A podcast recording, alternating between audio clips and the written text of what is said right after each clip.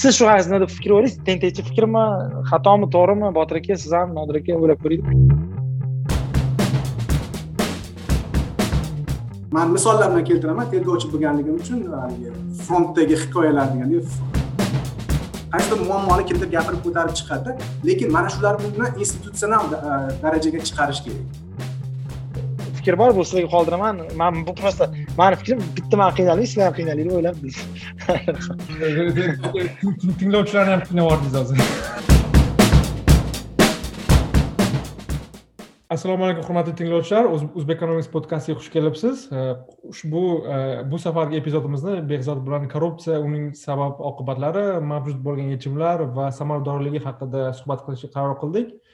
Ushbu fursatdan foydalanib e, podkastimiz noan'anaviy bo'ladi. E, ushbu ushbu yo'nalishda faoliyat olib boradigan vatandoshimizni e, o'z mutaxassisini chaqirdik taklif qilishga qaror qabul qildik. Shuning uchun bugungi mehmonimiz nodir aka zakirov huquqshunos jahon banki vashingtonda korrupsiyaga qarshi kurashish boshqarmasi tergovchisi va yevropa va markaziy osiyo mamlakatlari bo'yicha mutaxassis. Nodir aka assalomu alaykum. Xush kelibsiz. Assalomu alaykum. Rahmat botirbek bekzodbek. Taklif uchun juda yam xursandman bugun qatnashib turgandan. Rahmat nodir aka. Nodir aka rahmat kattakon vaqt ajratganingiz uchun behzod sizga ham rahmat. Nodir aka shu sizni tanimaganlarga ozgina o'z haqingizda qisqacha va balki jahon banki va ish faoliyatingiz haqida ozgina qisqacha fikr bildirib o'tsangiz manimcha hammaga qiziq bo'lardi.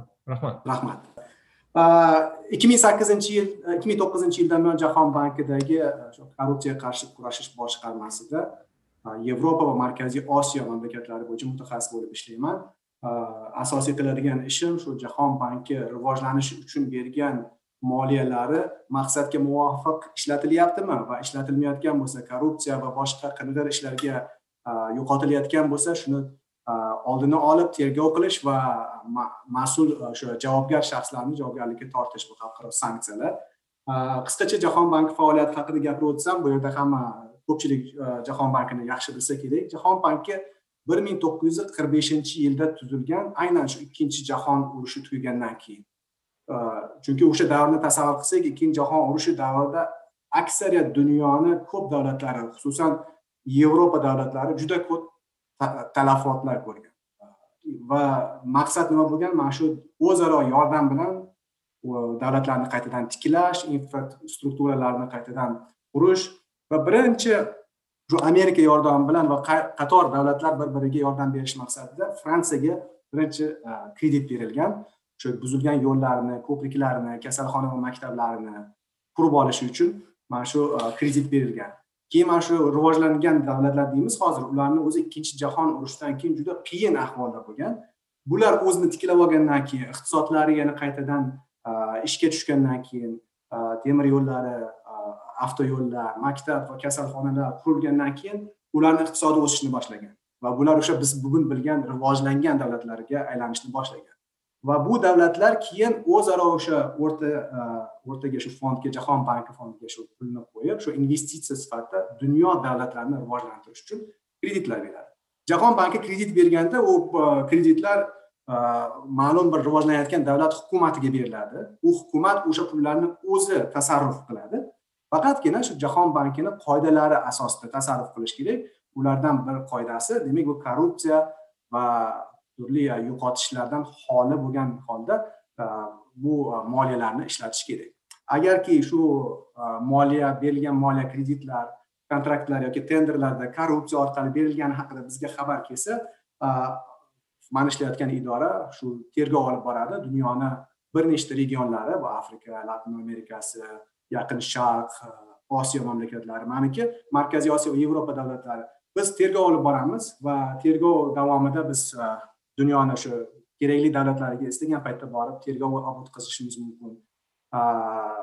Borib o'sha kompaniyalarni audit qilamiz so'roq qilamiz mas'ul shaxslarni rasmiylar bilan uchrashamiz va dalillarni yig'ib jahon bankini ichida o'zini sanksiya tizimi bor sanksiya tizimi bir necha pog'onalik birinchisi biz to'plagan dalillarni yetarlimi yo'qmi isbotlaydigan bir birinchi instansiya.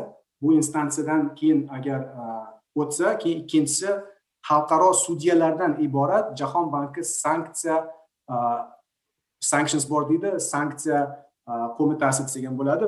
Mana shu idoradagi xalqaro sudyalar qaror qabul qiladi. Biz to'plagan dalillar va o'zini himoya qilayotgan o'sha kompaniya yoki shaxs taqdim etgan dalillar qaysi biriniki haqqoniyroq. Va shunga asosan ular ularni yoki oqlaydi yoki qoralaydi agar ularni jazolanadigan bo'lsa shaxslar va kompaniyalarga nisbatan sanksiyalar qo'llaniladi. Bu sanksiyalar muvaqqat va yoki doimiy bo'lishi mumkin. Hozirgacha doimiy sanksiyalar manimcha juda kam qo'llangan lekin jahon banki sanksiyalari tarixida eng uzun sanksiyani chiqarib bergan keysni ustida man ishlaganman. Bu e, sharqiy yevropa davlatlaridagi bitta katta it kompaniyasi bo'lgan va juda murakkab ish bo'lgan.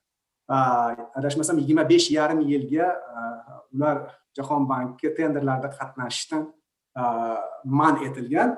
Lekin o'ylash mumkin mayli jahon banki tenderlarda qatnashmasa nima ham yo'qotadi qanchalik qismi lekin boshqa biznes ketyaptiyu yo'q chunki ikki ming o'ninchi yili jahon banki shaxsan bizni idoramiz korrupsiyaga qarshi kurashish boshqarmasi bir taklif bilan chiqqan va bu taklifga bir necha xalqaro tashkilotlar qo'shilgan bunga osiyo taraqqiyot banki yevropa rivojlanish va taraqqiyot banki yevropa investitsiyalar banki afrika davlatlar rivojlanish banki inter amerika rivojlanish banki ular hammasi agar bittasi qaysidir kompaniyaga nisbatan sanksiya qo'llasa qolganlari ham taqiqlab qo'yadi. Boshqa hech qaysi tenderlarda qatnasha olmaydi. Agar mana shu katta kompaniyalarni olib qaraydigan bo'lsangiz ularni aksariyat man o'zimni tajribamdan ko'raman kamida qirq foiz daromadi mana shunaqa tenderlardan keladida aynan xalqaro tashkilotlarni e, moliyasiga olib borilayotgan tenderlar. И mana shunaqangi katta e, jazoga tushish ayniqsa katta kompaniyalarga katta ta'sir qiladi. Qisqacha mani ishim haqida mana shu yana tafsilotlarni muhokama qilamiz. E, rahmat nodir aka siz ish faoliyatingiz haqida aytib berganingiz uchun. Biz endi bu yerda ko'proq nima deydi iqtisodiy taraqqiyot masalalari haqida gaplashamiz va e, shuning uchun e, nima deydi qiyin va nima deydi javobi aniq emas bo'lgan savol berib qo'yishga harakat qilaman. E, siz hozir aytdingizki mana korrupsiya sodir bo'lsa bizda quyidagicha instrumentariylar bor dedingiz. Masalan o'sha tergov qilish masalan o'sha qonunbuzarliklarni topish masalan sanksiyalar qo'llash. Bu endi anavi tibbiyot tilida aytadigan bo'lsa bu deylik davolanish qismida. Lekin ko'p jamiyatlarni rivoji uchun davolanish qismi yoki qandaydir o'sha e, yomonliklarni kazzoblarni topish qismi albatta muhim. Lekin undan ham muhim narsa uni oldini olish ya'ni preventiv narsalar. Ya'ni nima uchun korrupsiya e, bo'ladi nima uchun u rivojlanadi e, va hokazo va hokazo. Ya'ni hozir tergov qilish topish jazolash albatta muhim albatta kerakku lekin birinchi qismi haqida suhbatlashish taklif qilgan bo'lardim agar qarshi bo'lmasangiz. Shuning uchun savolim quyidagichada Э, biz э, hammamiz o'zbekistonlikmiz va e, o'zbekistonni yaxshi bilamiz. Siz o'zbekistonda yashaganingizda e, men yashaganimda va hokazo e, dollar almashtirish jinoyat edida endi ko'p yillar davomida. Ya'ni ko'chada dollar almashtirish jinoyat edi va bu dollar atrofida korrupsiya ko'p tabiiyki ya'ni millionlab milliardlab dollar odamlar pul ishlashardi. Korrupsion sxemalar asosan kimdir arzonroqqa davlatdan imtiyozli dollar olardi kimdir qimmatroqqa sotardi va hokazo va hokazo. Shuning uchun shuning uchun e, aytmoqchi bo'lganim mana shu e, bitta qonun natijasida butun bir katta korrupsiya deylik tizimi yo'q bo'lib ketdida bir kunda. Va bu qanaqadir yutuq bo'ldi. Umuman masalan o'zbekistonni olsak yoki boshqa mamlakatlarni olsak qanday qilib biz korrupsiyani e, oldini olishimiz mumkin? Mana shunaqadagi oson yechimlar bormi? Masalan bizda oson yechim bo'ldida nisbatan bu bu narsada korrupsiyani yo'qotish. Shunga o'xshagan oson yechimlar mavjudmi? Bormi? Bu haqida qanday fikrlashimiz kerak? Rahmat. Bezodbek rahmat. Juda qiziq savol berdingiz. Iqtisodchi e, savoli e, juda qiziq bo'ladi. Tag tagidagi sabablarni so'radingiz. O'sha doktorga borganda ham birinchi o'rinda o'sha tashxis qo'yganda doktor qo'shimcha aytadi mana shu mana shuni hayot tarzini kechirganingiz uchun shunaqangi genetik sabablar uchun yoki boshqa boshqa sabablar uchun sizda mana shu bo'lgan bo'lishi mumkin deydi. Davlatlar miqyosida korrupsiya misolini oladigan bo'lsak aksariyat korrupsiyani e, reytinglarni qarasangiz mana transparency internationalni haligi xalqaro korrupsiyani e, tushunish bo'yicha indeksi deymiz e, xalqaro indeksida aksariyat eng korrupsiya kam bo'lgan davlatlarda nisbatan eng rivojlangan davlatlar turadida. Eng ko'p korrupsiya bo'lgan davlatlarda nimagadir shu rivojlanayotgan davlatlar ko'proq turadi. Shu nuqtai nazardan kelib turib rivojlanayotgan davlatlarda korrupsiyaga imkoniyat ko'proq desa to'g'ri bo'ladi. Lekin uni rivojlanayotgan davlatlarda odamlar bir noto'g'riroq yoki ularni bir e, xatti harakati madaniyati noto'g'riroq bo'lgani uchun emas. Bir nechta savollar e, sabablar bor. Birinchisi misol uchun e, juda ko'p davlatlar o'tish davrida o'sha bir tizimdan ikkinchigami yoki judayam bir kontrol qilingan iqtisoddan erkinlashtirayotgan iqtisodgami ayrim tartiblar yo'lga qo'yilmagan bo'ladi. O'sha siz aytib o'tgan o'sha dollar konvertatsiyasi. Boshida bizda o'zbekistonda shu bir necha yillarga shu taqiq qo'yildida va bu taqiq qo'yilgan joyda har doim odamlar qing'ir yo'lni topishga harakat qiladi. Chunki bu bozor qoidalariga noto'g'ri. Xuddi o'shanday o'sha taqiqlar olib tashlangandan keyin o'sha korrupsiyani sababi yo'qoladi. Lekin bundan tashqari aksariyat rivojlanayotgan davlatlarda olib qarasangiz davlat mulozimlari davlat xizmatchilarini oyliklari past bo'ladi. Va bu past oylik bilan bo'lgandan tashqari ularni ma'lum sohadagi vakolatlari juda yam katta bo'ladi. Ayrim qarorlarni ular misol uchun jamoatchilikka xizmat ko'rsatayotgan bo'lsa ham jamoatchilik fikriga quloq solmasdan qilish imkoniyati ularda ko'proq bo'ladi. Va bu tez orada o'sha sust iqtisodda tezroq imkoniyatlardan foydalanib tezroq boyib olish o'sha vakolatni suiiste'mol qilib shundan boyib olishga harakat qilishga imkon yaratadi. Bundan tashqari mana shunaqa holatlar kuzatilganda ularni aynan tergov qilib topib jazolashga yo'llaydigan tergov organlari mas'uliyat bilan kuchli ishlay olmaydi. Yoki potensiali yetarli emas yoki e, trening yetishmaydi yoki e, shunga iroda yo'q. Lekin bundan tashqari misol uchun tergov organi boram deylik. Bundan tashqari mustahkam sud tizimi bo'lmaydi. Misol uchun aytaylik e, korrupsiyani misol oladigan bo'lsak e, institutda qaysidir professor bahoni yaxshi qo'yib berish uchun yoki зачетdan o'tkazib yuborish uchun yuz dollar pora olsa bu korrupsiya to'g'rimi? Hamma tan oladi bu savol emas. Va ko'pincha shunaqa misol keltiriladi. Ayrim davlatlarda misol uchun o mana mana bu mulozim pora oldida mana qo'lga tushdi deydida mana ming dollar bilan yoki yana uydan mana shuncha naqd pul chiqdi deydi lekin bundan tashqari korrupsiyani turlari juda yam juda yam ko'p. Biz kundalik hayotda ko'rmaydigan korrupsiyalar bor. Bu davlat sotib olishlarida haligi procurement deymizda zakupki rus tilida davlat o'sha byudjet hisobiga sotib olishni amalga oshirayotganda bu qaysidir yo'l qurish bo'ladimi maktab qurilishmi o'sha qurilish kompaniyalariga kontraktlar berishda yoki oddiy uskunalar sotib olishda mana shularda ochiq oydinlikni yo'qligi. Juda ko'p hollarda hattoki e'lonlarni topish qiyin lekin e'lonlarni topishdan tashqari shunaqa holatlar bo'ladiki davlatlarda man misollar bilan keltiraman tergovchi bo'lganligim uchun e, haligi frontdagi hikoyalar deganda e, stories from the front. E, bitta sharqiy yevropa davlatlaridan birida tergov o'tkazganman. O'sha haligi man sizlarga eng uzoq sanksiya deb ertaroq aytganim. Bu davlatda o'sha ijtimoiy himoya ya'ni aksariyat shu eng muhtoj qismini himoya qiladigan vazirlikka katta mablag' berilganda va bu mablag'ni u boshqarish kerak bo'lgan. Bu boshqarayotganda shunaqa kelishuvga kelishilgan. Vazir o'rinbosari hamma e, loyihani boshqargan va kontraktlarga qo'l qo'ygan. Mahalliy hamma kompaniyalarga aytgan kelasizlar manga o'n foizdan откат berasizlar kontrakt sizlarniki. Faqat o'zaro kelishib olasizlar. Bitta kontrakt sanga keyingisi sanga. Bir biringga muammo tug'dirmaysan. Hamma narsa silliq ketavergan. Faqat bitta muammo chiqqan. O'sha kompaniyalardan bittasini ishchisi ishdan haydalgan va noroziligidan hamma narsani sochib tashlagan arz qilib. Hamma muammolar tashqariga chiqqan. И keyin tergov boshlangan. Mana shunaqa tergovlar odatda agar iroda bo'lsa va imkoniyat bo'lsa amalga oshirilishi kerak. Bunaqa korrupsiyalar odatda faqatgina o'shan bilan to'g'ridan to'g'ri shug'ullanayotganlar bo'ladi. Kundalik hayotda odamlarga bunaqa korrupsiya ko'rinmaydi. Ha mana bu gai to'xtatib pulni olgani ko'rinadi. Mayda korrupsiya deymiz petty corruption bu ko'rinadi lekin undan kattaroq korrupsiya iqtisodga kattaroq zarar keltirayotgan korrupsiya ham bor unga ko'z yummaslik bularni oldini olishni yo'li oddiy nimaiki bizda hozir yo'q bo'lsa yoki nimaiki o'sha sharoitlarni yaratayotgan bo'lsa o'shani o'zagiga qarashimiz kerak birinchidan o'zbekistonda misol uchun haligacha sabablardan bittasi mustahkam mana bizda ikki ming o'n yettinchi yildan buyon eng katta islohotlardan bittasi nimasi deyilsa mana shu dollar konvertatsiyasidan ham ko'ra hozir odamlar erkinroq o'zini fikrini bildira olayotganini aytamanda. Xuddi shunaqa ko'p rivojlanayotgan davlatlarda mana shunaqangi imkoniyat bo'lsa erkin so'zlash. Mana shu bitta o'zaklardan bo'ladi korrupsiyani yo'q qilishni demak korrupsiya bo'lganda odamlar gapira olsin uni ommaviy axborot vositalari gapira olsin mustaqil tergov organlari gapira olsin mana o'zbekistonda misol uchun yaqinda e, korrupsiyaga qarshi kurash agentligi ochildi.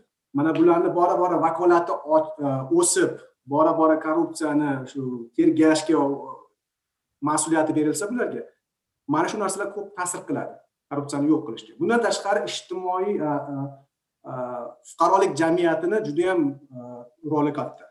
Fuqarolik jamiyati bu watchdog deydi ingliz tilida kuzatib turuvchi nazoratchi ijtimoiy nazoratchilar bu juda yam juda yam muhim.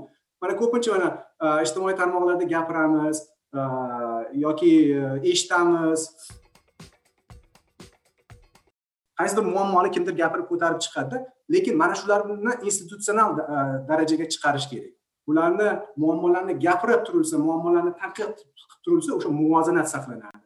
Э, qaysidir tomonga tarozini э, og'ir bosib ketmaydida har doim fuqarolik jamiyati э, o'sha korrupsiyani oldini olib turishda shu tarozini narigi pallasi bo'lib turadi. Juda rahmat nodira aka juda yaxshi e, javob bo'ldi. Qiziq e, siz boshida aytib o'tganingiz manimcha ko'p odamlar ancha ahamiyat bermaydigan bitta farqni aytib o'tdingiz. Korrupsiya deganda e, jamiyatda ko'pchilik aynan porani nazarda tutishadi. O'ylashadiki o'sha magazinchi g'aybulla aka yoki там dars beradigan svetlana opa yuz ikki yuz dollar berib qo'lga tushsa uni korrupsiya deb o'ylaymiz lekin siz aytib o'tgandek o'sha pardalar orqasidagi ya'ni o'sha resurslarni noto'g'ri sarflash va isrof qilish natijasida shu iqtisodiyotga va jamiyatga keladigan zarar o'sha korrupsiyaning eng avjiga chiqqan e, turi desak ham bo'ladi. E, uning yechimlari to'g'risida juda ham e, maslahatlar berdingiz. Shu iqtisodchilar sifatida bitta qo'shimcha qilmoqchi edim. Ya'ni Э, korrupsiyaga yo'l beradigan narsalarni oldini olish kerak dedingiz. Ularni eng asosiylaridan biri manimcha e, o'sha ya'ni davlatning e, imkoniyatlari qanchalik ko'p bo'lsa ya'ni boshqacha qilib aytganda insonlar hayotida va iqtisodiyotning barcha sohalari sektorlari va tarmoqlarida davlatning ishtiroki qanchalik ko'p bo'lsa ya'ni byurokratlarning e, borligi o'sha sohalarda qancha ko'p bo'lsa o'sha korrupsiyaga yo'l va imkoniyat olib ochadi. Va siz aytgandek o'sha so'z erkinligi ya'ni e, ma'lumotlarni erkin tarqata olish va ma'lumotlarni erkin qabul qila olish imkoniyati bu shu korrupsiyani e, yetish yo'llaridan biri ya'ni shu byurokratlarni ochiqroq ishlashga va shaffofroq ishlashga e, majburlaydigan mexanizmlardan biri bo'ladi.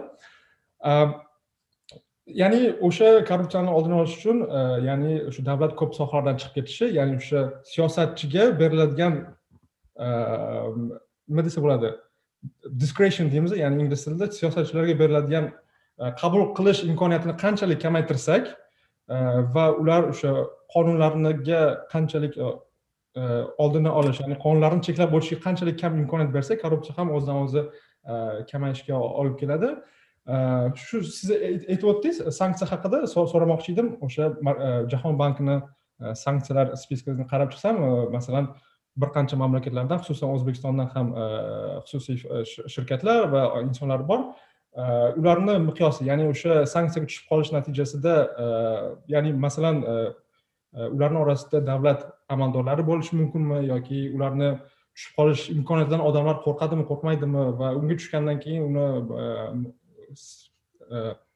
ta'siri qanday? Shu haqida qisqa aytib o'tsangiz manimcha qiziq bo'lardi. Rahmat. Yaxshi savol. Bu e, bu savolni kengroq qamrab olamiz chunki bu nafaqat jahon banki e, sanksiyalari balki butun xalqaro tashkilotlar bilan bog'liq va dunyoning turli regionlari bilan bog'liq. E, jahon banki sanksiya qabul qiladigan bo'lsa sanksiyalar bir necha turda bo'lishi mumkin. Eng yengili bu hayfsan berish bo'lsa judayam bir oddiy bir bilmasdan qilgan kamchiligi uchun. Va eng yuqorisi shu bir necha yillarga yoki butun doimiyga e, kompaniyalar yoki alohida shaxslar sanksiyaga uchrashi mumkin. Sanksiyaga uchrashi mumkin degani jahon banki tomonidan moliyalashtirilgan loyihalarda boshqa tenderlarda qatnasha olmaydi va shular bilan bog'liq e, loyihalardan oylik ham olishi mumkin emas. Unaqa odamlar ishga ham olinmaydi e, rasmiylarga mulozimlarga keladigan bo'lsak davlat rasmiylariga qarshi bu xalqaro huquq normalaridan kelib chiqib jahon bankida yurisdiksiya yo'q. Lekin agarki bilamiz korrupsiyani taklif tomoni bor va talab tomoni bor. Qarsak ikki qo'ldan chiqadi va e, agar o'sha korrupsiya isbotlansa qaysi bir kompaniya e, o'sha pora bergani yoki til biriktirgani aniqlansa e, bunday mulozimlar haqida biz maxsus hisobot tayyorlab o'sha ma'lum rivojlanayotgan davlat hukumatiga tavsiya etamiz va aytamiz agar sizni ichki qonunligingiz buzilgan bo'lsa bu bundan kelib chiqib siz chora ko'rishingiz mumkin bu amaliy ma'muriy yoki jinoiy chora ko'rishingiz mumkin. Ayrim hollarda chora ko'riladi ayrim hollarda ko'rinmaydi. Lekin o'sha davlatlarga keyingi safar yana kredit kerak bo'lganda yana shunga murojaat qilinadi. Mana biz o'tgan safar sizga shunaqangi muammolarni ko'rsatgandik shundan buyon qanaqangi o'zgartirish qildingiz qanaqangi qadamlar qildingizki bu qaytarilmasligi uchun. To'g'ri aytib o'tdingiz chunki korrupsiya deganda biz ko'pincha porani tushunamiz va ko'pincha naqd pulni tushunamizda. Va jahon banki me'yorlariga ko'ra korrupsiyani umumiy aytyapmiz e, sanksiyaga e, uchraydigan harakatlar deymiz. Sanctionable practices. Bularga birinchi qalloblik kiradi. Bu demak yolg'on ma'lumot berish yoki yolg'on e, ma'lumotlarni tarqatish moddiy manfaat ko'rish maqsadida. Ikkinchisi til biriktirish. Uchinchisi korrupsiya. Demak pul bo'lishi shart emas boshqa narsa misol uchun qarindoshnikimidir ishga olish mumkin yoki o'qishga olib kirib qo'yish mumkin. Bu ham korrupsiya. Undan tashqari kimnidir bosim ostida nimadir qilish yoki qilmaslikka majburlash misol uchun faraz qiling tender bo'lyaptida и qaysidir kompaniya kuchliroq kelyaptida kelib turib aytyapti man bu manga muammo yaratmagin man bunga konkursda qatnashmagin bu kontrakt maniki desa bu bosim o'tkazish. Va obstruksiya deymiz qarshilik ko'rsatish jahon banki tekshiruvlar bilan kelganda biz misol uchun huquq tartibot organi emasmiz. Va kelganda biz ma'muriy tekshiruvlar olib boramiz. Bizniki na jinoiy na fuqaroviy. Va shu e, tekshiruvlar olib borganda har bitta kompaniya jahon bankida tenderlarda qatnashgan bo'lsa jahon banki auditorlarni tekshiruvga kirgizib berishga majbur. Agar ma'lumotlarni yashirsa qarshilik ko'rsatsa yoki shu audit va tergovlarimizga to'sqinlik qilsa bu ham e, demak adolatni yashirganligi uchun ham sanksiyaga uchraydigan harakatlardan hisoblanadi. Mana shulardan kelib chiqib mana shu harakatlar hammasi deyarli xalqaro tashkilotlarda uyg'unlashgan shunga o'xshash qoidalar bor. Qanchalik ta'sir qiladi deysiz? Man o'zimni auditlar shu tergovlardan kelib chiqib ayta olamanki aksariyat shu infrastruktura va savdo bilan shug'ullanadigan kompaniyalar jahon banki va xalqaro tashkilotlarda tenderlarda qatnashadigan kompaniyalarni yillik o'sha обороtidan taxminan qirq foizi mana shu mablag'lar bilan bog'liq. Bu degani deyarli yarmi? Juda katta qism. Qolganlari davlatni to'g'ridan to'g'ri byudjetdan kelayotgan kontraktlar bo'lishi mumkin. Lekin qirq foiz xalqaro e, tashkilotlarni e, nimasidan kelayotgan kreditlardan kelayotgan bo'lsa bu ularga ta'sir qiladi. O'ylash mumkin. Mayli jahon banki bermasa bermasin endi bitta osiyo taraqqiyot banki bor yevropa taraqqiyot banki bor. Undan tashqari regional tashkilotlar bor afrika taraqqiyot banki. Latin amerika taraqqiyot banklari gap shundaki mana shu tashkilotlar hammasi o'zaro uyg'unlikda ishlaydi o'zaro hamkorlikda va ikki ming o'ninchi yildan buyon shu tashkilotlardan birortasi agar qaysidir kompaniya yoki shaxsni sanksiya qilsa qolganlari ham avtomatik ravishda o'sha shaxsni sanksiya e, ro'yxatiga kirgizadi va boshqa hech qaysi tashkilotlardan pul ololmaydi o'sha ma'lum muddatgacha yoki doimiy ravishda jazosiga qarab. Shuning uchun e, o'zbekistondami boshqa joylardami e, korrupsiyaga qarayotganda mana shu kontraktni yutib foyda ko'rmoqchi bo'layotganda har doim shu riskni bilish kerak. Bitta kontraktni butun doim davomiyligida ajralib qolish mumkin boshqa imkoniyatlardan. Lekin o'ylash mumkin mayli bo'pti bo'lmasa yopiladida boshqa kompaniya ochish mumkinku deyiladi qiziq ha misol uchun o'zbekistonda unchalik taniq bo'lmagan kichkina endi o'sayotgan kompaniya bo'lsa ochilishi mumkin. Lekin tenderlarda shunaqangi talab bo'ladi. Agarki siz yangi kompaniya bo'lsangiz qatnasha olmaysiz katta tenderda siz kamida shu besh yillik tajribani ko'rsatishingiz kerak. Shu o'tgan besh yil ichida shunga o'xshash mana shunaqa kontraktlarni amalga oshirganman. Shunaqa tajribam bor deb. Yangi kompaniyalar o'sha tajribasiz qolib ketadi chekkada shunga o'xshagan katta kompaniyalar ularni reputatsiyasini o'zi qanchalik muhim chunki ularni aksiyalari jahon e, birjalarida sotiladi. Bitta shunaqangi oddiy bilan mana shu kompaniya Э, shunaqangi korrupsiya bilan muammoga uchradi desa o'sha aksiyadorlari darrov o'ylaydi bu kompaniyaga ishonish mumkinmi? Yo'qmi ertaga pulimizni yo'qotamiz deb aksiyasini sotib olishni boshlaydi. Ularni aksiyalari birjalarda tushib ketib ularni umuman e, amaliga amaliyotiga juda katta ta'sir qiladi. Shuning uchun e, sanksiyalar bu jinoiy javobgarlik bo'lmasligi mumkin lekin jinoiy javobgarlikdan tashqari moddiy juda katta zarar olib kelishi mumkin.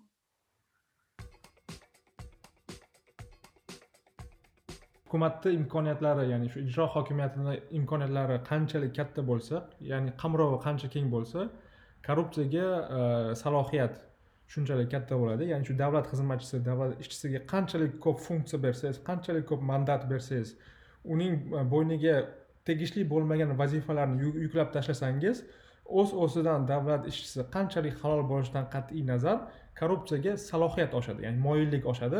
O'z o'zidan bu tabiat qonuni va mm, biz siz aytib o'tdingiz to'g'ri aytib o'tdingiz davlat xizmatchilari e, o'zlariga ishlariga taalluqli bo'lmagan funksiyalar ko'p yuklatilishi kuzatiladi. Masalan bank xodimlari yoki yer ajratishda hokimlarning kuchi ko'pligi yoki shunga o'xshash ya'ni o'z ishiga taalluqli bo'lmagan funksiyalar berilishi natijasida ya'ni shu davlat ijro hokimiyatining shu insonlar hayoti va iqtisodiyotga shunchalik keng kirib borish natijasida e, kichkina va katta joylarda korrupsiyaga e, salohiyat ya'ni moyillik o'z o'zidan oshadi.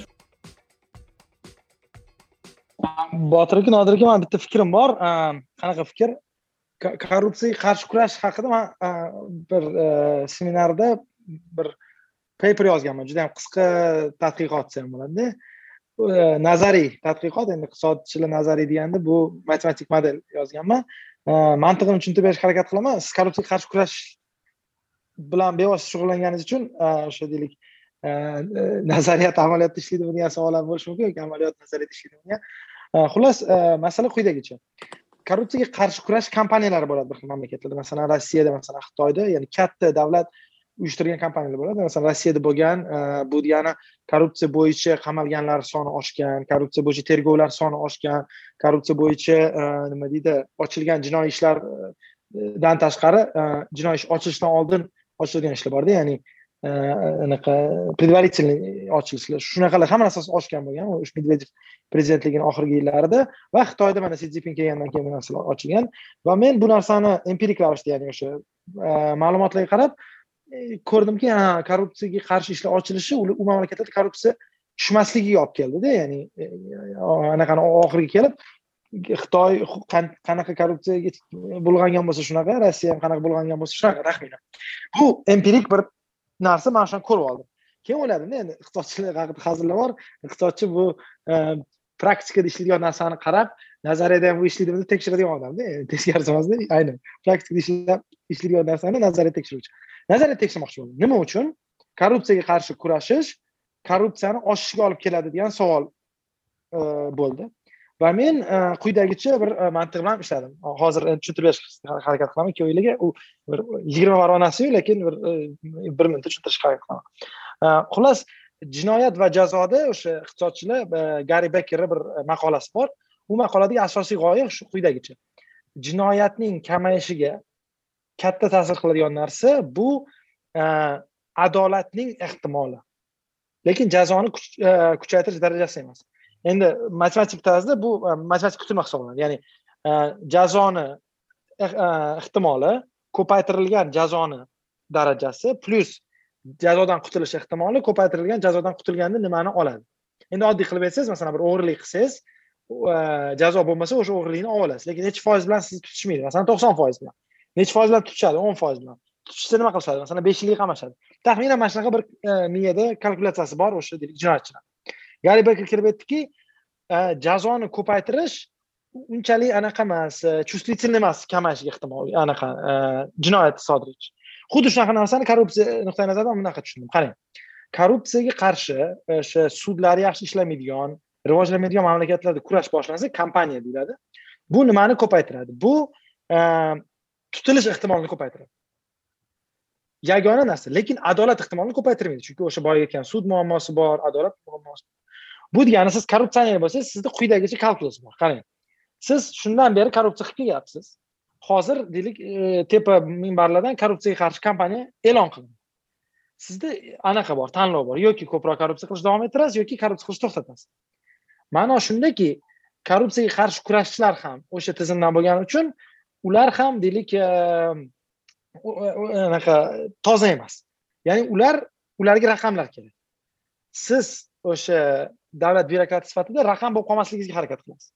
Bu degani siz o'zingizni bossingizga yoki o'zingizni deylik e, e, muhofaza qiluvchi tepadagi turgan odamga ko'proq olib kirib berishingiz kerak oddiy tilda gapirgan chunki agar o'sha korrupsiyaga qarshi kurashuvchilar bir idoraga kelishsa o'sha bossidan yoki o'sha tizimdan so'rashadi kimni e, tergov qilaylik hammani og'zi qon bo'lgani uchun eng samarasiz korrupsioner qamaladi chunki u uni qamalishi u boss uchun unchalik katta bir e, yo'qotish emas. Shunda qanaqa bo'lyapti? Korrupsiyaga qarshi kurashish sizni ko'proq korrupsiya qilishga olib keladi va chuqurroq korrupsiya qilishga olib keladi. Anu e, bunga ham anu e, nima deydi mm, bir hazil bor bir hindiston gazetasini parchasini o'qib qoldim shundan o'zi ilhomlandim u yerda bunday aytyapti bir odam anaqa invalid odam ekan uyiga shu invalidlar kiradigan anaqa narsa qurmoqchi bo'lgan shahar hokimiyatiga borgan o'sha anaqa ruxsatnoma olishga keyin u ruxsatnomaga pora so'ragan o'sha mulozim u odam aytganki ey tentaklar man invalidman o'tgan gal tekinga berdinglar. Nimaga bu gal pora olyapsiz desa chunki bizda korrupsiyaga qarshi kampaniya boshlanyapti chunki ya'ni men hozir ko'proq olib kirib berishim kerak. O'shanga uzru lekin sizdan oldin to'g'ri anaqa qilardim mehribonlik qilardim. Endi hozir olib kirmasam bo'lmaydi deganda uni mantig'i juda yam tushunarli iqtisodchilik chunki qarang siz tutilish ehtimolini ko'paytirsangiz E, ya'ni ehtimolni ko'paytiryapsiz. Unga qarshi kurash ikkita sposob bor. Yoki siz samarali korrupsioner bo'lib o'zingiz bossizga ko'p olib kirib berasiz yoki pul olishingiz kerak chunki ular kelgandan keyin o'sha deylik sud prokurorlar bilan savdolashish uchun sizga pul bo'lgani yaxshiroqda ya'ni balki pora berib kamaytirasiz o'sha jazoni va hokazo. Ya'ni pul muhim komponent bo'lib qoldi. Shuning uchun korrupsiyaga qarshi kurash kompaniyalari odatda korrupsiyani chuqurligi va ko'pligini oshirsa oshiradiyu kamaytirmaydi degan bir xulosaga kelganman o'zim o'sha model yozib lekin ilhomlanganman boyagi o'sha rossiya siz shu haqida fikr o'ylaysiz tentakchi fikrmi? Xatomi to'g'rimi? Botir aka siz ham nodir aka o'ylab ko'ring man yuboraman sizlarga buni yozganim bu ikki yil oldincha yozganim. Qisqacha qilib bezodbek siz bilan birinchi marta ko'rishganimizda bir necha yil avval jahon bankida ko'rishgandik sizdan mana shu aha esimda esimda. shu manga aytgandingiz. Esimda. Man fikringizga juda yam qo'shilaman chunki korrupsiyaga qarshi kurashish faqatgina shu pora olayotganlarni ushlashda emas. Hali boshida aytib o'tdim mana korrupsiyaga sabab bo'lgani rivojlanayotgan davlatlarda ko'p bo'ladigan aksariyat mulozimlarni oylik maoshi kam bo'ladi. Endi qilib ko'ring oyiga e, oddiygina shu haligi firmada ishlaydigan oddiy ishchidan kam oylik oladigan mulozim bir necha millionlik kontraktlarni boshqarayotgan bo'lsa albatta mana shu haligi istak paydo bo'lib qoladi. Yovuz istakchi shu voy mana shundan foydalansam Э, birinchidan man o'ylashimcha shu mulozimlarni shu meritokratiya asosida tanlab ularni to'g'ri rag'batlantirish kerak. Chunki ular o'sha ishidan ayrilib qolishdan qo'rqish kerak. Chunki bu davlat ishi e, davlat xizmati aynan odamlarga e, nafaqat bu obro'ni undan tashqari bu ularga shu moddiy e, yo'qotish bo'lishi kerak. Undan tashqari o'sha aytib o'tganimiz jamiyatdagi watchdoglar agar mustaqil korrupsiyaga qarshi kurash agentligidan tashqari mustaqil sud tizimi bo'lmasa u ham foydasi yo'qda chunki sud tizimini ham pora bilan sotib olish mumkin. Lekin sizni misolingiz juda yam qiziq iqtisodchi sifatida buni amalda albatta sinab ko'rish kerak balki shunaqangi nimalar bordir data qarab ko'rish kerak. Ha man ozgina qaravdim hindistonni qaravdim to'g'risini aytsam nima misol chiqqan hindistonda? Yo'q hindistonda xullas o'sha bir nodavlat tashkiloti korrupsiyaga duch kelgan odamlarni bir app chiqarganda masalan qaysidir davlat idorasi anaqaki korrupsiya so'rashsa yoki bir narsa bersangiz anonim ravishda aytasiz masalan bu yerda to'ladim bu yerda to'ladim deysiz man bir narsani qaradim qaysi hindiston shtatida korrupsiyaga qarshi kampaniya e'lon qilingan bo'lsa o'sha yerda o'shanaqa korrupsiyani qayd etish hollari sal ko'payganda e, aytaman buni chop etmadim anaqa qilmadim deydi yaxshi ishlamadim ishda но sal pal ko'rdim ya'ni mani mantiqim qanaqa bo'lyapti siz aytyapsiz mana qarang sud agar muammo bo'lsa tergovchilik muammo boshqa narsalar muammo bo'lsa davlat mulozimi nuqtai nazaridan agar o'ylasak? Korrupsiyaga qarshi kampaniya e'lon qilishdi. Bu degani endi oddiy tilda ko'proq odam korrupsiyaga qamaladi deganida и ularni o'sha e, hisob kitobi qanaqa bo'ladiki o'sha qamaladigan spiskaga tushib qolmaydi deydi u spiskaga tushib qolmaslik uchun nima qilish kerak? Qudratli bo'lish kerak yoki qudratli deylik patroningiz bo'lishi kerak yoki pulingiz bo'lishi kerak? Chunki ular kelsa sotib olishingiz kerak. Shuning uchun korrupsiyaga qarshi kompaniyalar aslida destruktivmikan ya'ni jamiyatda korrupsiyani ko'paytirarmikan bu haqida misollar ko'p. Masalan o'zbekiston emas masalan rossiyada u bittasi aytuvdi eng yomon payt gai eng ko'p pora oladi attestatsiya paytida. Chunki ularga attestatsiya to'lashga pora kerak o'shanda yovuzlarcha to'xtatib tashlaydi. Attestatsiya olsa sal yengil tortishadi degan edida masalan. Shunaqa narsani farmonlashtirmoqchi. Lekin yaxshi savol. Anaqa anti masalan anti anti korrupsiyaga qarshi agentlik yoki korrupsiyaga qarshi kompaniyalar nima uchun samarali emas balki destruktiv bo'ladi dedingiz. Manimcha ko'p hollarda o'sha именно o'sha kompaniyalar juda узкий. Ya'ni aynan shu korrupsiyaga qarshi э, ular assumption qiladi. Ya'ni uni fikrlash fikrlaydiki korrupsiyaga ushlanayotgan odam aybdor. Ya'ni e, tizimli emas aynan siyosiy raqobat va ochiqlik shaffoflikni ta'minlaydigan siyosatni bilan bir paytda o'sha antikorrupsiyaga qarshi siyosatni olib borish samarali ya'ni siz aytgandek o'sha hindiston yoki boshqa davlatlarda bitta antikorrupsion agentство ochib qo'yishadida и uchta to'rtta там vazirmi yoki kattaroq odamlarni qo'lga tushirib samarali bo'ldi deyishadi lekin uni tubdan ya'ni o'sha siyosiy raqobat raqobat ya'ni siyosatchilar yoki amaldorlarni e, accountability deymiz ingliz tilida ya'ni ularni javobgarligini e, oshirish bilan bir paytda bo'lmasa bunday kompaniyalar e, siz aytgandek nafaqat foydasi balki ziyoni ham bor. Shu paytda man bitta ilmiy tadqiqotni esimga tushib qoldi. Ya'ni iqtisod iqtisod fanida ya'ni iqtisodchilar orasida eng ko'p sitata qilinadigan eng ko'p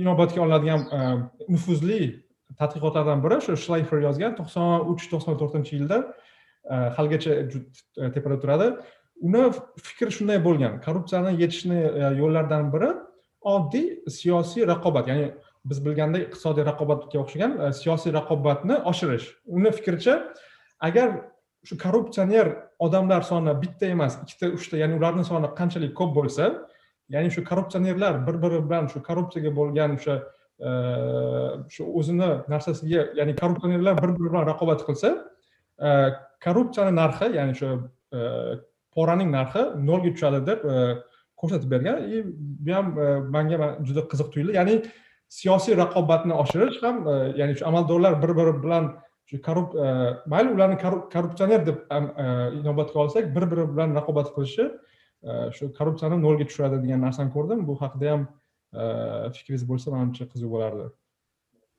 Iqtisodchilar bilan suhbat juda qiziqdi. Sizlarni umuman haligi Э, amaliyotda ishlaydigan odamni xayoliga kelmagan narsalar keladi va sizlar qaysidir ma'noda shu e, prognoz qilib berayotgandekda shu muammolar nimaga shu kelib chiqayotgani. Manga juda yam qiziq bu fikrlar lekin man nima deydi e, aynan e, buni korrupsiyani tergov qilish bilan shug'ullanganim uchun man ko'proq shu qanaqa tendensiyalar ketyapti qaysi davlatlarda ko'proq bo'lyapti bu muammolar va qaysi hattoki sektorlarda. Man qanchalik korrupsiya hozir ko'paydimi e, kamaydimi bunga ma'lum ma'lumot berolmayman lekin umuman dunyoda olib qarasak o'zimni shaxsiy fikrim shu e, ijtimoiy tarmoqlar rivojlanishi mana bekzodbek aytdingiz hindistondagi o'sha har xil e, texnologiya orqali korrupsiyani aniqlash. Mana shular paydo bo'lgandan buyon va ijtimoiy faollik ko'paygandan buyon hech bo'lmasa bu haqida ko'proq gapirishni boshladik korrupsiya haqida. Mana shuni o'zi birinchi qadam shu muammoni tan olishga muammo bor. Buni ochiqcha gapira olamiz va buni hal qilish. Demak qanday qilib uni oldini olish mumkin e, va qanday qilib unga qarshi kurashish mumkin? E, oddiy iqtisodiy ta'siri haqida olib qaraydigan bo'lsak iqtisodimizga dunyo iqtisodiga. Adashmasam ikki ming o'n sakkizinchi yili jahon iqtisodiy forumi world economic forum e, ma'lumot chiqarishgan. Jahon iqtisodini taxminan ikki yarim trillioni yoki taxminan besh foizi korrupsiyaga yo'qotiladi. Man ertaroq aytib o'tdim haligi o'n foiz откат deb mana shu откат ham o'zi odatda shu ma'lumotga juda to'g'ri keladi. Chunki ayrim davlatlarda man ko'raman besh foiz ayrim davlatlarda yigirma foiz. O'rtacha o'n foiz deb olsangiz bo'ladi man o'ylayman oldini olishni yo'li bor lekin u faqatgina qaysidir tomondan emas hamma tomondan qilinishi kerak. Mana iqtisodchilar bilan gaplashish kerak iqtisodiy natijalari davlat xizmatchilarini ichida so'roq qilish kerakini o'rganish kerak. Nima sababdan? Ularni fikricha shunaqangi mansabni suiiste'mol qilish qiladi. Ularni oyligini misol uchun oshirsangiz ertaga korrupsiya kamayishi deganimi? Iqtisodchi sifatida sizlar buni yaxshiroq analiz qila olsanglar kerak boshqa davlatlar misolida. Qaysidir davlatda agar oyliklar oshirilgan bo'lsa Э, xuddi o'sha bekzodbek siz aytgan e, izlanishingizdagidek. Э, lekin korrupsiya oshganmi? Jazo kamaytirilganmi o'shalarni mutanosibligini o'rganib chiqish ham juda qiziq manga. Qachondir e, mana shu mavzuni e, agar kattaroq research qilsangiz jahon bankida taqdim qilsangiz ham bo'ladi bekzodbek taklif qilaman sizni. Ha bo'ldi bo'ldi albatta. Man bu anaqa bir dars uchun yozuvdimda oddiy matematik qilib sizga aytib berdim yozayotganimda. Э, shundan keyin tashlab qo'yib hech tegmadim lekin e, aytayotgan savollaringiz qiziq. Masalan e, mana shu botir aytgan shlayferni tadqiqotlari bor bu haqida masalan e, nima deydi oyliklar va bog'liqligi haqidada masalan iqtisodda nimasi muammo shundaki biz mana shunaqa korrupsiya kabi masalalarda eksperiment o'tkazolmaymizda va empirik darajada aniq aytolmaymiz nima nimani oqibati nima nimani sababi endi agar ideal holatda nima bo'lardi bir davlatnikiga bo'lardi bu davlatda bunaqa islohot qilardi yarmida yarmida bunaqa islohot qilardi keyin solishtirardida. Endi hech qaysi mamlakat yoki shtat yoki anaqa unaqa narsaga yo'l qo'ymaymiz shuning uchun biz anavi e, korrelyatsiyalar yoki tabiiy qanaqadir eksperimentlar qilishga majburmizda endi bu anaqa. Shuning uchun masalan deylik e, davlat e, mulozimlarini oyligi ko'paysa korrupsiya kamaydimi degan savol masalanda u savolni empirik tomondan qiyinligi nimadaki davlat ishchilarini oyliklari ko'tarilishi boshqa islohotlar bilan birga kelayotgan bo'lishi mumkinki va uning natijasida deylik korrupsiya kamaygan taqdirda ham biz ayta olmaymiz bu bu masalan e, e, nima deydi oylik oshirilish buni sababi bo'ldimi yoki o'sha kompleks anaqa davolanish kompleksida bir e, anaqalardanmidi masalan qilmasa ham qilsa ham o'zgararmidi masalan korrupsiya darajasi deyishimiz mumkinda. Shuning uchun man bu savolga aniq такой chiroyli javob bilmaymanku mayli bilish imkon masalan nazariy nuqtai nazardan qanaqa qilib buni bilsa bo'ladi desangiz ham eksperiment qilib bera olmaymanda anavi odamlarni ikkita mamlakatga bo'lmasdan turib shunga nima deydi trillion dollar questionni berolsada u qiyin javoblar lekin faqat oylikni oshirib qo'yish bilan ham bo'lmaydi. Siz aytayotganda ya'ni oylikni oshirganingiz bilan shu amaldorni halol oyligini ancha oshirib qo'yganingizda masalan singapurdagi. Lekin ishlaydi bir bitta joyda ya'ni o'sha katta oylik olayotgan amaldor bilishi kerak. Agar man korrupsiya yoki qandaydir nojo'ya ish qilsam o'sha oyligimdan e, quruq qolaman yoki ishimdan ketaman degan e, risk bilan e, yashash kerak. Ya'ni o'sha amaldor bilsinki shuncha katta oylik olyaptimi lekin ertaga qandaydir noto'g'ri ishlarga aralashib qolsa u ish joyini ham va katta oylikni ham yo'qotadi degan assumption bor shuni orqasida. Ya'ni oylikni otni kallasida qilib qo'yganingiz bilan lekin u ertaga qandaydir qonunni buzsa u jazolanmasa oylikni oshirib qo'ygan bilan ham effekti bo'lmagan davlatlar bo'lgan. Shuning uchun ha trillion dollar question deymizayu shunaqa shunaqa. lekin yana savol bekzod nodir aka bitta o'ylab ko'rdim bu haqida o'qigandim. Korrupsiyani foydali tomonlari haqida masalan short termda ya'ni uzoq muddatda bilamiz korrupsiya destruktivniy hamma narsa yomon bu to'g'risida gapirish shart emas lekin qisqa muddatda ayrim yurisdiksiyalarda ayrim mamlakatlarda korrupsiya foydali. Masalan tadbirkorlarga yoki e, iqtisodiy e, taraqqiyotga qisqa muddatda foydali tomoni bor ekan. Odamlarni hayotini saqlab qolishga ham lekin bir ha odamlarni hayotini saqlab qolishga ham. Masalan e, qanday holatlarda? Qonunlar yomon ishlaydigan yoki qonunlar yomon yozilgan ya'ni qonunlar juda ham yomon yozilgan mamlakatlarda korrupsiyani borligi foydaliroq qisqa muddatda ya'ni qo'pol qilib aytganda e, masalan sovet davrida qonunlar juda ham yomon yozilgan lekin bizneslar e, pora berish orqali rivojlangan. Ya'ni pora bergan berish natijasida eksport qilish mumkin yoki e, rastamosha qilish yoki qandaydir iqtisodiy aktivityni oshirish mumkin. Ya'ni shu haqida nima deb o'ylaysiz? Lekin bilamiz uzoq muddatda bu yaxshi.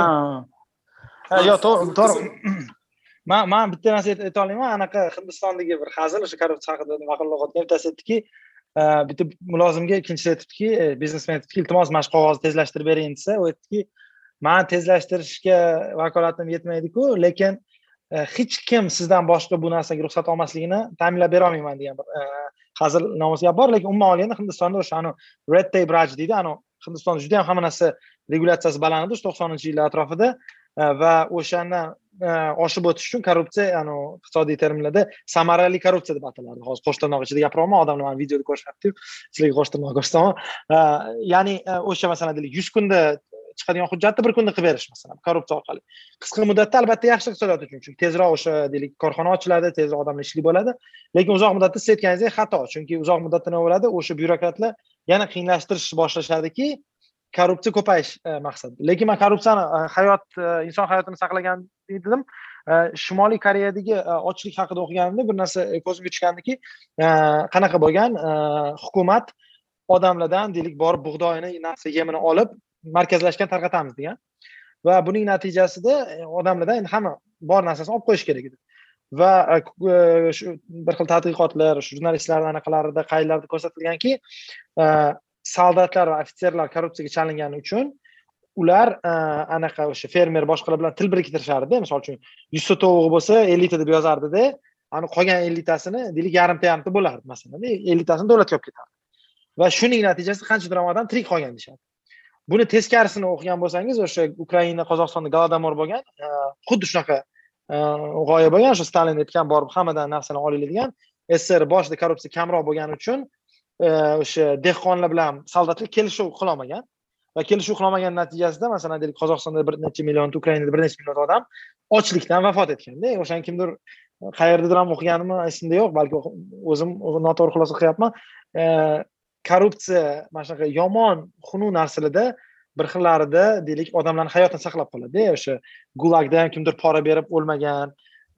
Va hokazo masalan e, gitler germaniyasi konslagerni dan e, anaqa yahudiylarni olib chiqib ketganda kimdir pora berib bekitganda bu ham korrupsiya orqali odamni hayotini saqlab qo'ygan shuning uchun e, samarali korrupsiyani bir xil real anaqalari bor masalan e, bitta ikkita shu topsak bo'ladigan. Lekin umuman olganda uzoq muddatda albatta diskutiv lekin man hozir bu nimaga aytdim bu preambulani o'zbekiston haqida o'ylaymanda masalan man bu nima desam ekan noto'g'ri qonunlar noto'g'ri qarorlar bo'lganda judayam pastga to'kilib ketmasligi uchun bizani ham korrupsiya ushlab turganda qanaqadir ma'no ya'ni masalan konvertatsiya yo'qligida ham pora orqali konvertatsiya qilsa bo'lardi. O'shaning uchun qanaqadir eksport import qilsa bo'lardi. Yoki там masalan mana shunaqa narsalarda korrupsiya yordam berdi masalan darhaqiqat masalan aytaylik e, anaqa oddiy o'zimizni hayotimizda masalan e, bir xil narsalar qilinardi deylik. Voenkomatda boshqada poliklinikalarda o'sha korrupsiya bo'lgani sababli qanaqadir masalalarimizni hal qilganmizda.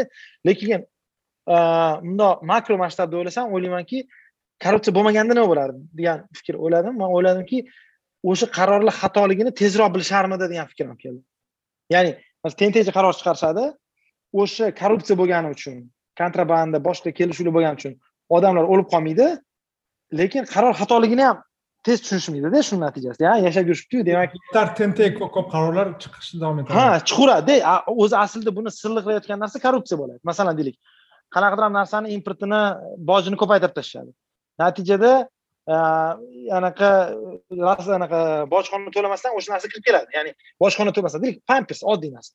Pampers deylik e, yuz foizli boj qo'yishdi masalan. Endi ikki barobar qimmat bo'lishi kerak lekin korrupsiya borligi uchun kimdir boj to'lamasdan olib kiradida ikki yuz so'mlik narsani bir yuz ellik so'mdan sotadi.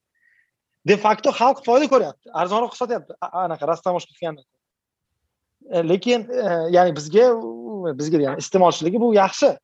Bir tomondan korrupsiya bo'lgani e, nima deydi qora sxemalar orqali import bo'lgan. Lekin e, o'sha qaror qabul qilganlar bor o'sha pampersga boj qo'yganlar. Ular bu narsa qanchalik destruktivligini e, bilmaydimi degan bir fikr bor. Bu sizlarga qoldiraman. Man bu просто mani fikrim bitta man qiynaldik sizlar ham qiynalinglar o'ylab. Tinglovchilarni ham qiynab yubordingiz hozir nodir aka sizga kattakon rahmat. Vaqt ajratib e, biz bilan suhbatlashib tinglovchilarga juda katta foydali suhbat qilib berdingiz. Sizga kattakon rahmat. E, umid qilamanki e, siz bilan suhbatlarimiz shu bilan cheklanib qolmaydi. Agar siz so'ng so'z o'rinda fikrlaringiz bo'lsa marhamat. Botirbek sizlarga katta rahmat. Taklif qilganingiz uchun man sizlar bilan har doim suhbat qilganda mazza qilaman juda qiziqarli savollar bo'ldi. Hammaga qiziqqanliklari uchun bu mavzu befarq qoldirmagan uchun sizlarga rahmat. Shu so'z oxiri sifatida man aytmoqchi edim. Yana bir marta ta'kidlab qaytarib o'tmoqchi edim. Korrupsiya ayniqsa rivojlanishda bu biz juda ko'p misollar keltirdik katta davlat sotib olishlari. Har safar shu korrupsiyaga duchor kelgan odam yana bir marta eslasin. Mana shu e, pullar eng muhtoj qatlamga mo'ljallangan pullar.